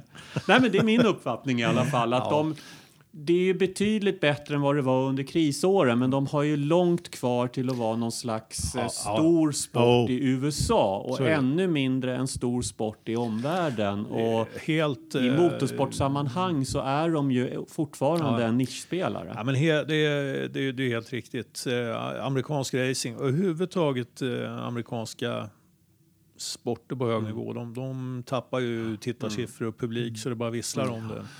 Eh, och eh, det är klart att Indycar är ju inte där de var för ett antal år sedan. Och eh, jag tror inte att de har så jättestora förutsättningar att, att bli så mycket större. Men, eh, men eh, och här, här är det otroligt viktigt för, för eh, Indycar som promotor att se till att eh, hålla nere kostnaderna Ja. så att man kan ha bra startfält. Eh, det- För det jag blir lite orolig för när man börjar prata om Surfers Paradise, va? det är att man upprepar misstaget som man gjorde slutet av, av eh, 90-talet när man började expandera. Man körde i Tyskland, man körde i England och det var Japan och det var Australien och det, det var ju förenat med vä- väldigt höga kostnader. va? Körde ju på Motegi där.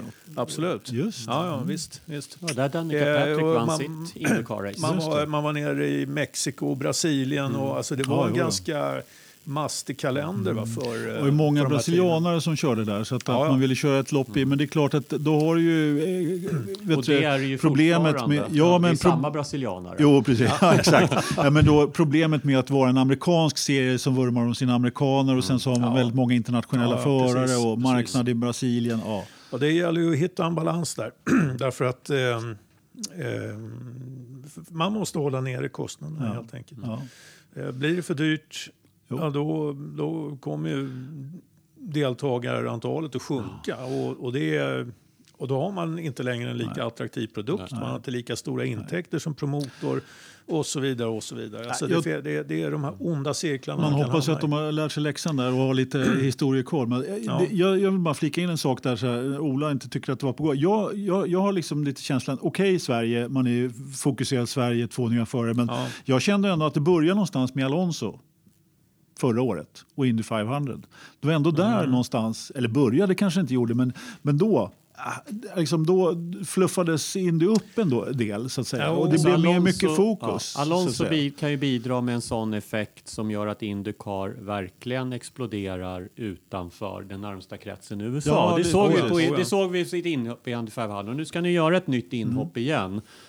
Men han kommer ju inte köra full säsong i den där serien än så länge som det tyder på. Så det blir ju liksom en topp som bara dalar igen. Och det var lite grann vi Ja. såg, såg i fjol. att det var ju inte de tittarsiffrorna som tittade när han ensam cirkulerar runt på Ja. Indianapolis var ju inte kvar tre race senare. Då var man tillbaks på den nivå som jag menar att man har hittat och, och driver serien på. Ja, Ja, ja, men det, det- det, det- gäller ju att lyfta sig ett snäpp därifrån och det är det jag hoppas att de kan Ja. göra lite grann. Och, och då är det bara frågan om hur, hur man lyfter sig Ja. vid, vid de tillfällena. Därför att eh, det, det, jag tror att det är precis som du säger Ola. Det, det är ju, man kan ju få de här eh, tillfälliga effekterna av, av en förare som, som eh, plötsligt drar en ny publik till klassen. Men som, som promotor så får man ju liksom inte dras med av det och, och börja lägga pengar och, och expandera på ett sätt som ökar kostnaderna för, eh, för deltagarna Nej. eller för sig själv så att man slår, slår, slår undan benen på sig själv. Rätt vad det är så lägger en Alonso av och då, då försvinner det intresset. Mm. Liksom. Det är så lätt liksom att, att skaffa sig en alldeles för stor kostym Mm. eh, under kortvariga uppgångar. Och, och sen är det nej, jävligt det svårt ju- att skära i det där. Ja, det alltså. gäller ju att bygga en stabil grund. Så är det. Ja, ja, precis. Så, eh, Och det har de ju. Jag menar, Ja. det startfältet vi ser i år, det är ett startfält vi har sett de senaste många åren nu i Indycar, både vad gäller förarnivå, förarkvalitet, antalet förare och antalet bilar. Ja, men Det- man, man säger, det, det brukar alltid vara ett antal förare som gör några inhopp, kör några race Mm. och så vidare. Det känns ändå som att kärnan av de eh, deltagare som kommer att köra en full säsong är, är, är, Och du har väl kanske en- två, tre bilar mer än vad det har Ja, varit det, tidigare. ja, det är väl dryga 20. ja. Och sen kommer det ju till 10-12 bilar till Indy 500 Ja, ja. Eh, som bara kör det racet. Så att, eh, nej, Indy, Indy, Indycar har väl en hyfsat bra nivå. Sen Mm. tycker jag som sagt i, i form av vad de bjuder på i underhållning och på banan borde Ja. de ha betydligt högre uppmärksamhet och, och tittarsiffror. Ja. Och, Jag, jag tycker inte de och- behöver och göra något mer egentligen. Liksom. Fan, det där räcker, det de har. ja, precis. Ta till och rör, vårda rör den här inte det här nu, det plattformen. fungerar. Ja. Liksom. Ja, sen får vi se hur det blir med... Nu har de ju skrivit eh, avtal med eh, NBC. Va? Mm. Och eh, det, det var du Ola som såg att det gick att köpa någon stream därifrån. De kommer att ha, men det, just nu såg det bara tillgängligt i USA. Ja, okej. Så att på sidan. Men jag vet att för två år sedan så gick det, för jag köpte ett sånt pass till x antal race för att jag ville se Indy 500 och några till. På, på den officiella streamen. Eh, för jag ville se det live. Ja, det, istället då- för att ladda ner i efterhand. Och då, då gick det att köpa med svensk kreditkort och bara streama det med datorn hemma. Men då var det inte NBC. Då var det Jag ABC. vet inte om det var E ESPN eller NBC då. Jag kommer faktiskt inte ihåg det. De brukar ju byta Ja. det där. ABC brukar väl också sända det emellanåt. De brukar väl Nej, hoppa lite ja. emellan. År ABC har haft sändningsrättigheterna fram till i år. De blev av med dem till NBC. Så att, eh, Mm. det var ABC som sä- sände tillsammans med ESPN tidigare. då. Men det gick att köpa ett sånt där säsongspass då med kreditkort. Så får vi se. Det Mm. Ja. kanske är så som vi pratade om att nu har de en avdelning som ska jobba med sändningsrättigheter. Då börjar de inte med att göra det tillgängligt utanför USA, ett sånt här season pass förrän de ser vad förhandlingarna tar vägen. Nej, så kan det ju vara naturligtvis. Det är ju som, som vi har pratat om tidigare, det är ju öppet mål för en svensk eh, aktör att köpa de där rättigheterna. Så Ja, precis. Så länge, så länge det finns en sån möjlighet så, Mm. eh, så, så kommer det nog inte gå att köpa. Men, men, eh, och det är ju lite intressant då, för jag tror vi läste väl alla Blommans eh, krönika. Var det, vilken tidning var det? nu? Teknikens Ja, värld var brukar han blogga. Ja. Okej, ja.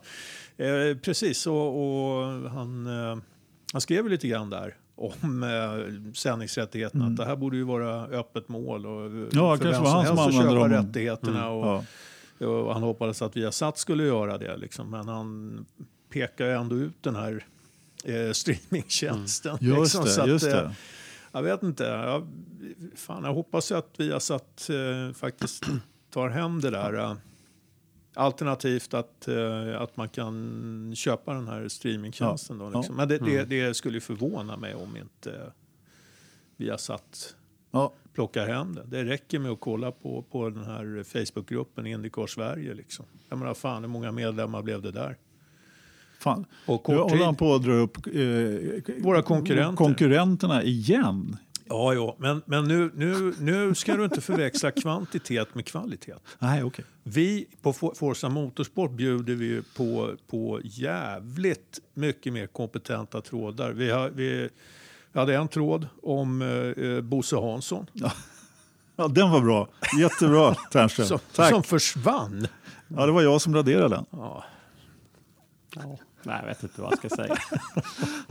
Jag tror vi går vidare där. Ja, vi, vi har avhandlat... Ja. Eh, Jo, men, men i alla händelser, det, jag menar, det, det är ett jävla intresse. Alla Ja, de där 4 Ja, 000 ja. som, som, eh, som eh, registrerar sig i den där gruppen vill ju se det. ja, jo, det, ja, ja, ja. Så är Och det. det är fan inga småpengar. Nej, nej. Det är Nej, en det är hel det inte. del. Det är, Nej. måste ju vara... eh, Du, ja, ja. Gör ett överslag. Ja, Kan du räkna ut det eh, gånger fyra, fyra, eh, 16 miljoner Ja, du ser. för eh, abonnemangsavgifter för Viasat. Ja. Det borde för fan räcka för att köpa in de där rättigheterna. Ja, det kan man tycka definitivt. Eller? Ja. Jag vet inte vad rättigheter brukar kosta. Nej, Jag har ingen aning heller faktiskt. Men, Men, eh, det känns som att eh, de pengarna borde räcka, ja. Det borde vara hemräknat med så pass många ja, nya abonnemang. Sen Annars- vet man ju inte hur många som är ja. nya. Då, då, men, Ni kan skylla på mig om det inte blev något eftersom jag sa upp mitt Ja.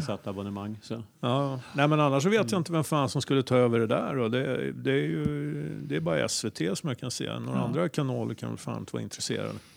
Nej, men det är väl Simor eller Ja, Viasat? Simor så, så, kan si- ju... ja. Ja, det, vore ju, det vore ju en mardröm för uh, Viasat. Ju.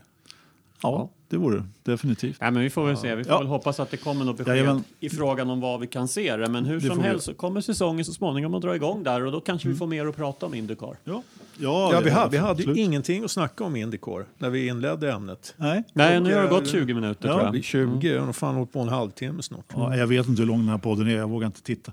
Eh, Den är två timmar och fem minuter lång, Ja, det är den bra. alltid. Då, ja, ja, okej. Ja. Då säger vi det. Men hörni, jag har inga fler jättestora ämnen. Jag hade skrivit upp Dakar här bara egentligen. Är det någon av er som kollar Dakar? Nej. Unisont nej. Ja. Ja. Det, alltså, Dakar var ju din grej. Du, Ja. du har alltid följt det där. Ja, och, och, faktiskt. Och. Men, eh, Nej, jag, eh, jag, jag, som sagt, jag har följt Dakar sen, inte sen det startade, men nästan. Så, och sett eh, i stort sett hängt vid tvn och Ja. kollat uppdateringar. Och de senaste åren, med storhetstiden då när PG körde egentligen mo- motorcykel, då, då, eh, kan man säga. Ja, innan dess så var det ju Valdegård då, som körde också. Trevligt när vi hade några svenskar på startlinjen och så Annie då, som körde några år. Det var ju kanske inte riktigt i toppen då, då men, eh, men ändå kul med en svensk. Och, Ja. så här på senare år så hade vi ju Berglund då, som körde några, eh, några Dakar också. Då. Men alltså på något sätt så har Dakar blivit, kommit lite långt bort. med, i och med att man kör i Sydamerika. Det har Ja. liksom, man har distanserat sig lite, lite längre bort. I år kör man bara i Peru och det är lika fina sanddyner som vanligt och det är lika fina vidder och det händer lika mycket och så vidare. Men Det är inte samma grej på något sätt. inte riktigt samma nerv alltså. Det fanns en viss sån här kolonialromantik Ja. över Paris-Dakar. Ja. Där man åkte med dyra bilar eh, genom fattiga länder. Ja, det var lite så faktiskt, helt klart. Genom fattiga byar. Ja. Jag vet inte, det är lite, var lite Tintin i Kongo. Ja, Tintin fyllde 90 år här i veckan. eller? Ja, Såg han gjorde ju det. Ja, såg du? Fan, Bry- eh, Bryssel. Bryssel Air hade målat flygplan, eller ett eller flera flygplan i den här Ja. ja. hajubåten där. Det Oh, var fint. ja, ja. Ja, Jävla belgiska rasister. det- ja, precis. Ehm, nej, men allvarligt eh, skojat. Ehm, nej, men jag tycker väl också att eh, nå- någonting gick förlorat där när man inte körde Paris-Dakar längre. Nej, ja, men så är det ju definitivt. Jag har ju verkligen gillat den där tävlingen. Och det är klart att man ställde in då 2008 var det väl, års lopp man, man ställde in för att det var oroligheter då i, Men, framförallt i Mauritanien då. ja, men alltså det där, jag kan inte se vad fan är skälet till att man ställer in. Alltså, loppet handlar ju om, det är ju ett överlevnadsprov. Ja, det är det Det är definitivt. väl men, för fan eh, bara att beväpna sig. Ja. Alltså Ja, det finns det- ju, det- jag kan inte alla de här historierna, men det finns ju massor med roliga historier om Dakar. Och, alltså Ja, där, eh, det var väl var det Kankonens bil som blev snodd, liksom, så de fick köpa tillbaka den av lokala gangsters. Liksom. Jo, de körde med den på huvudgatan, men de kunde ändå inte få... Ja, det är massor med såna här historier, men just där 2008, då var det ju krig.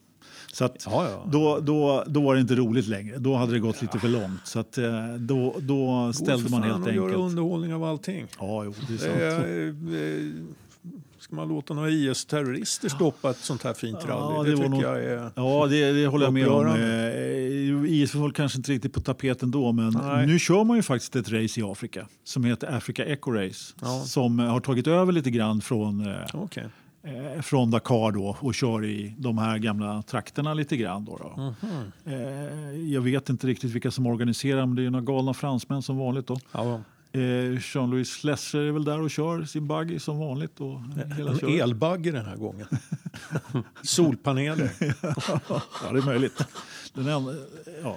Han har ju faktiskt för övrigt kört ett Formel 1-lopp eller två. Eh, nej, men eh, jag följer ju Dakar lite grann sådär på, på håll. Då, och, eh, vad, heter han? Ima, det är rätt kul då. Carlos Sainz, Sebastian Loeb och Alataya är det ju då som är, är de lite mer namnkunniga namnen för utifrån mo- motorsport. Det är inga dåliga namn alltså, som, som kör. Det är det ju inte. Så att, eh, och eh, Carlos Sainz han har ju svurit över den här roadbooken nu i år så att, och körde i diket och tappade fyra timmar på andra sträckan eller vad det var. Ja, så han är ju ganska långt efter. Då, Hans kartläsare där eh, ville ju att de skulle eh, bryta så han kunde koncentrera sig på Monte Carlo istället. ja, precis. Ja, men han, han, han, han sa ju det att Ja. fan, ska vi fortsätta med det här så kommer vi, vi kommer vara helt jävla Ja. slut inför Ja, Monte Carlo. ja precis. Men det kanske kan göra att det blir spännande. Ja, ja. Fan, det, det är ju faktiskt en grej som jag ser fram emot lite grann. Monte Carlo-rallyt. Ja, men Löb Bourget. Ja, jo, absolut. Helvete anamma. Nej, men, En eh, sak vet vi. Ja, Eller ja, vi, vilken... Gång- kommer inte att vinna VM. Ja, men vilken gång i ordningen heter världsmästaren i rally Sebastian? Ja du, det är nog uppåt 20 snart. Va? Det är definitivt. Ja, jag skulle bara fortsätta med Dakar där. Just med, men det är intressant med Sebastian Loeb att han kommer tillbaka. Vi, Ja. vi ska snurra in på det sen. Men det finns ju, de, nästan alla, förutom de som jag nämnde i toppen på Dakar, är ju de som har kört eh, motorcykel tidigare. Väldigt många. Jag menar, Ja. Peter Hansel, nu vet jag, jag kommer inte ihåg om det är 13 eller 14 vinster han har i Dakar. Men han har ju tagit nio av dem på motorcykel. Eh, någonting i den stilen. Och Nanni Roma då, som också är i toppen har ju också kört eh, motorcykel där i många De år. är Så ju trötta på att bryta ben och sånt. ja, ja, ja, men det, de, det kommer till en viss, eh, en viss gräns, sen börjar de köra bil. Ja. Så är det definitivt. Men eh, Sebastian Loeb ska ju köra Svenska rallyt sen också. Jag vet, kör han full säsong? Nej. Nej, han gör inte det va? Nej. Fan. Eh, du har ju full koll på På rally, eller hur nej Ola? jag inte. Du sitter bara och svarar nej. Ja, Jag vet, att, jag vet att Löb inte ska köra full Nej, säsong. men då är vi inne i års jag vet väl att, ja det gör han. det jag vet att Löb ska väl vara backup driver till, eh, vad heter Hyundais uh, försteförare nu då? Ja, just det. Ja, exakt. Han. uh, Neville. Jag är Ah, Neville som fortfarande Terry kör. Neville, ja. ja. han fick väl ett nytt kontrakt. Han kör ju bra i alla fall. Så, att, eh, så mycket vet jag att uh, Löb ska köra utvalda rallen och han kommer att vara backupförare till Neville. Ja, just det. Och kommer att ta på sig rollen som backupförare. Backup. Vad fan innebär det? Då? Ja, det innebär väl att eh, man tar på sig att ligga först och eh, sopa Och på ploga. de sträckorna Ja, där ja. man... eh, Ja, ja. Han ser till Där man har en nackdel av det. så han får, Ja. får starta först. Exakt, Och och, sen ser han till att slå på tempot och ploga vägen. Och så ska Ja. Ja, det blir intressant. Vi Ja. fick ju en nyhet idag om att eh, vi har en, eh, en eh, gammal rallyvärldsmästare som gör comeback också. Ett one-off. Ja, ja. Marcus Grönholm ska köra Svenska rallyt är det tänkt i en Mm. eh, VRC-bil faktiskt, Toyota. Det var ju jävligt kul att han valde svenska. Han ska inte köra i Finland? Nej, hans favorit i Sverige. Ja. Han, är, hans Ja, första, ja. han tog sin är första vilken, seger. Vilken jävla fullträff för Rally Sweden att Ja. de får, får hit honom. Absolut, definitivt. Nej, men han, jag tror han tagit fem segrar i Svenska rallyt. Ja. Tangerat med... Ja, är det Stig Blomqvist som har fem också kanske? Men, vad, vad händer nu om han, han sopar vägen med, med de andra killarna där i, i Toyota? Va? Det ser ju inte bra ut. Det kommer han inte göra. Han, killen är 51 år gammal. Fan spelar det för roll? Ja, nej, det spelar inte så stor roll. Han Han kom, kolla på mig, jag är 56, jag är mitt livs form.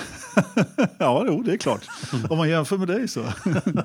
alltså, eh, Bosse då, som han kallas, eh, Grönholm, han har ju inte riktigt varit i sin livsform. För han var rätt sjuk här för några år sedan. Han var rejält dålig och eh, jag vet inte exakt vilken sorts eh, jobbig cancer det var. Men han var rejält eh, under fan. isen här ett tag. Ja, ja, inte bra. alls i form. Och, eh, han tar det här som sin 50-årspresent ett år efter. Det är rätt bra 50-årspresent ändå, måste man Fan, säga. han är ju rätt ung egentligen. Alltså. Ja. Egentligen så hade, ja, hade du inte sagt något så, så hade man ju trott att han var äldre faktiskt. Ja, det är möjligt. Ja, Det är väl Tommy Mäkinen tror jag som driver det där teamet så att jag tror att han har hjälpt till lite grann. och hur gammal är han då? 44? Jag vet inte, apropå det Förstår förresten. du fan om man kunde ha blivit äldre än de här snubbarna som var yngre? Ja, de, ja, men, eh, Som ja, var jag- gamla redan då. jag Sex rallyn ska Löb köra, så mycket han nu tar, Ja. tar reda på så Ja. länge. Medan Ternström har åldersnoja där borta på banan. det var Ja, nytt jag begriper ingenting. Nej, ja, men så här, Ari Vatanen då, han måste jag växt om dig, jag på att säga. Ja. han, Ja, är jag äldre än Dakar. Ari Vatanen nu, då... Ja, Ari Vatanen fyller väl 50 nästa år. fan är det här? Ja, herregud. Hörrni, vi måste nog avsluta nu. Hörru, Har du eh, sett Dakar? Nej. Har du sett Dakar? Nej, nej, inte jag heller egentligen. 25 minuter senare. Ja, vi kanske ska sluta prata om Fan, vi är Dakar. eller? experter. Ja, du hade inte kollat på Formel E. Och, nej. Nej, vad fan. vi har inte sett någonting. Vi vet inget. Ändå har vi dömt ut allt. Ja, som vanligt. En eh, Forza-podd i sitt vanliga format, helt klart. De mest förvirrade någonsin. Med, Ja. med, Och då har vi ändå lite att falla tillbaka på. Liksom. ja, Ja. Men, ja. Men eh, det här är ju i alla fall årets första podd. Det vet jag inte om vi, inledningen blev också lite lätt förvirrad kan man lugnt Vi säga. tar revansch för det i avsnitt 29 sen. Ja. Grejen var, jag menar vad fan, vi har, vi har ju, eh, vi har ju eh, pratat om att utveckla podden och att eh, liksom, vad, vad fan är det här för någon nystart? Ja, det, vi har invecklat den. Jag tycker det känns bra.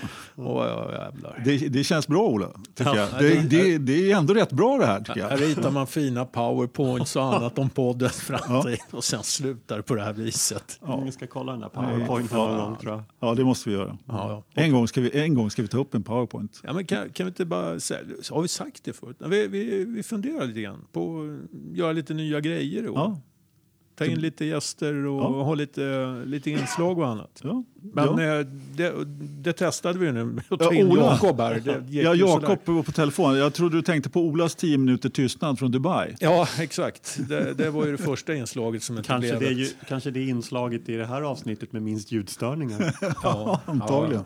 Ja, den där Antagligen. blir inte rolig att redigera. Men, ehm, nej, men vi, vi har lite sådana planer. Så att eh, vi, vi, gradvis, successivt så kommer vi att lämna kaoset bakom oss. Eller hur?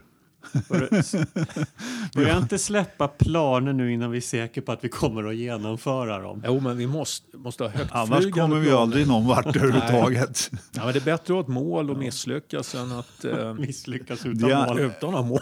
Nej, precis. Det är aldrig för sent att ge upp. Så är. Nej, Nej. exakt. Helt klart. Hörru, Ola, Nej, jag vill inte börja med det. vem är, hörru Ternström, vem är veckans Verstappen? Du får inte säga Bosse Hansson. Veckans Verstappen. Ja, alltså vad fan. Så får jag ju inte... Ja, men är, är det inte det som är det stora haveriet under veckan? Det är ju för fan nästan i klass med, med, med regeringsbildningen. Med en Bosse Hansson-tråd. Det tog ju hus i helvete där hos vissa. Och jag blev, blev anklagad för förtal och, och, Okej. och allt möjligt. Så det är väl, det är väl jag då. Ja, Ja. bra.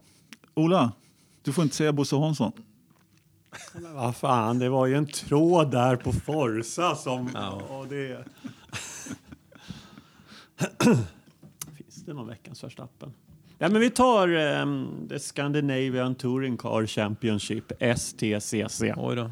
Ja, det är bra. Ja, men jag tror att vi kom, de, de kommer nog under kommande avsnitt att prenumerera lite på det. Men eh, ja, jag tycker att tecknen tyder på att de har en stark position i veckans Verstappen. Ja, de, vi kan ju räkna hur många veckans Verstappen STCC får här under året. Så. Kanske inte blir så många om det inte blir någonting. Det blir några, Nej, det det blir några här innan, innan den tänkta säsongstarten. Sen blir det inga mer för det finns inget kvar. Ja, så kan det Ja, men det, är- det är som en rally. Det är, om man kör till diket så får man ta sig upp därifrån. Ja, precis. Mm. På något sätt. Ta hjälp av publiken kanske. brukar de göra i rally. Välta det upp var en bra, igen. eh, Ja. bra grej. Va? Mm. Ja. Min eh, veckans Verstappen är... Eh, Inte Bosse Hansson, det får du inte säga. Jag lovar. Det är FIA-domarna som skickade Verstappen till Macares. Vad är det för jävla straff? Han ska Skicka... ju inte ha någon straff överhuvudtaget. Det är klart han ska ha. Nej, det ska han inte ha. Han ska alltid ha Visste du straff. att Ocon inte ska köra F1 i år? Jag har full koll på att Ocon inte ska köra F1. Alla gånger du har berättat det, då visste jag det faktiskt själv ändå också. Jag vet inte, men eh, Ternström, vi måste göra något, något åt eh, Olas ohälsosamma eh, förhållande till Ocon. här. Jag vet inte. Han har Det, är stor... mer, det är mer förhållandet till Verstappen som är problematiskt tycker jag. Ja, det kanske är. Jag håller med. Det är ju, Så kan det vara. det är ju liksom det, det, där, det är därför Ocon får, får, eh, Bära hundhuvudet. ja, han får bära heter det? Ja.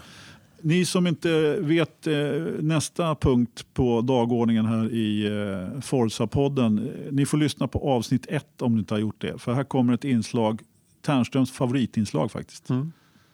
Vädret i Grövelsjön, Idre. Prognos sol. 998 hästkrafter och stigande. 0,0 meter i sekunden. Är inte hästkraftstalet lägre, lite lägre Det än vad var, det brukar väl, var vara? väldigt lågt. Vad det har varit har- över tusen må- Ja. i stort sett hela tiden. Han har Japp. fått Marcus Erikssons motor nu. Ja, jag tror det. Jaha. Så kan det vara. Så, så kan det vara. Temp ute 19,6 minusgrader. Det, då vill man ju tro att temperaturen i datorförrådet ändå är påverkat i liknande riktning. Ja, jag vet inte. Det är, han har ju haft bekymmer med termostaten där förut. Så att det, det, är väl, eh, det kan ju peka åt vilket jävla håll som helst Mm. där tydligen. Kan vi få en gissning? 12 grader.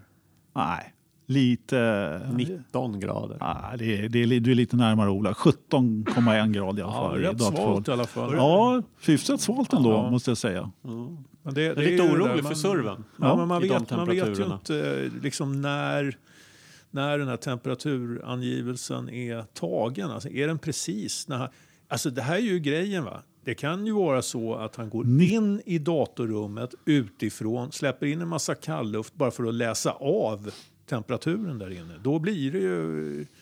Då blir det inte ett eh, korrekt tal. Nej, den känns inte så... Jag är lite orolig över eh, validiteten i, i, i eh, mätningen. Jag tror inte att du behöver vet vara så orolig därför att den är faktiskt uppdaterad eh, live. Den är, Nu, är det, nu när jag uppdaterade sidan så är det 17,0 grad. Så att det har gått ner en tiondels Är grad. han och springer in och ut ur det här Så kan det vara. datorförrådet nu eh, hela tiden? förmodligen. Ja, ja. Ja. Så kan det vara. Så ja kan men det vara. det, här inslaget blir ju inte roligare än så här. Alltså. Ja, nej. Och, men det är ju hysteriskt roligt. Eller hur? Ja, det är ju fantastiskt. Du ser ju så glad ut, Ternström. Oh. Nähä, Nähä. ska vi sluta då? Ja, fan, det brukar inte vara så mycket mer efter den där Nej, jävla... Nej i alla fall inte om Jakob är inte med. Och vi har ju Nej. lagt på luren så att han, och han har inte Ja. ringt tillbaka som han Tack för hotade med. Så att, det är lika bra vi skiter i det här då. Får Ja. du åka hem och redigera Ternström. Jag får väl göra det. Ja. Mm, jag får göra det. Tack för att ni lyssnat på avsnitt 30. Eller hur Ola? Ja, absolut. Nästa Ja. gång är det avsnitt 29. Jajamensan. Ha det bra. Tack så du ha. Hej. hej. hej.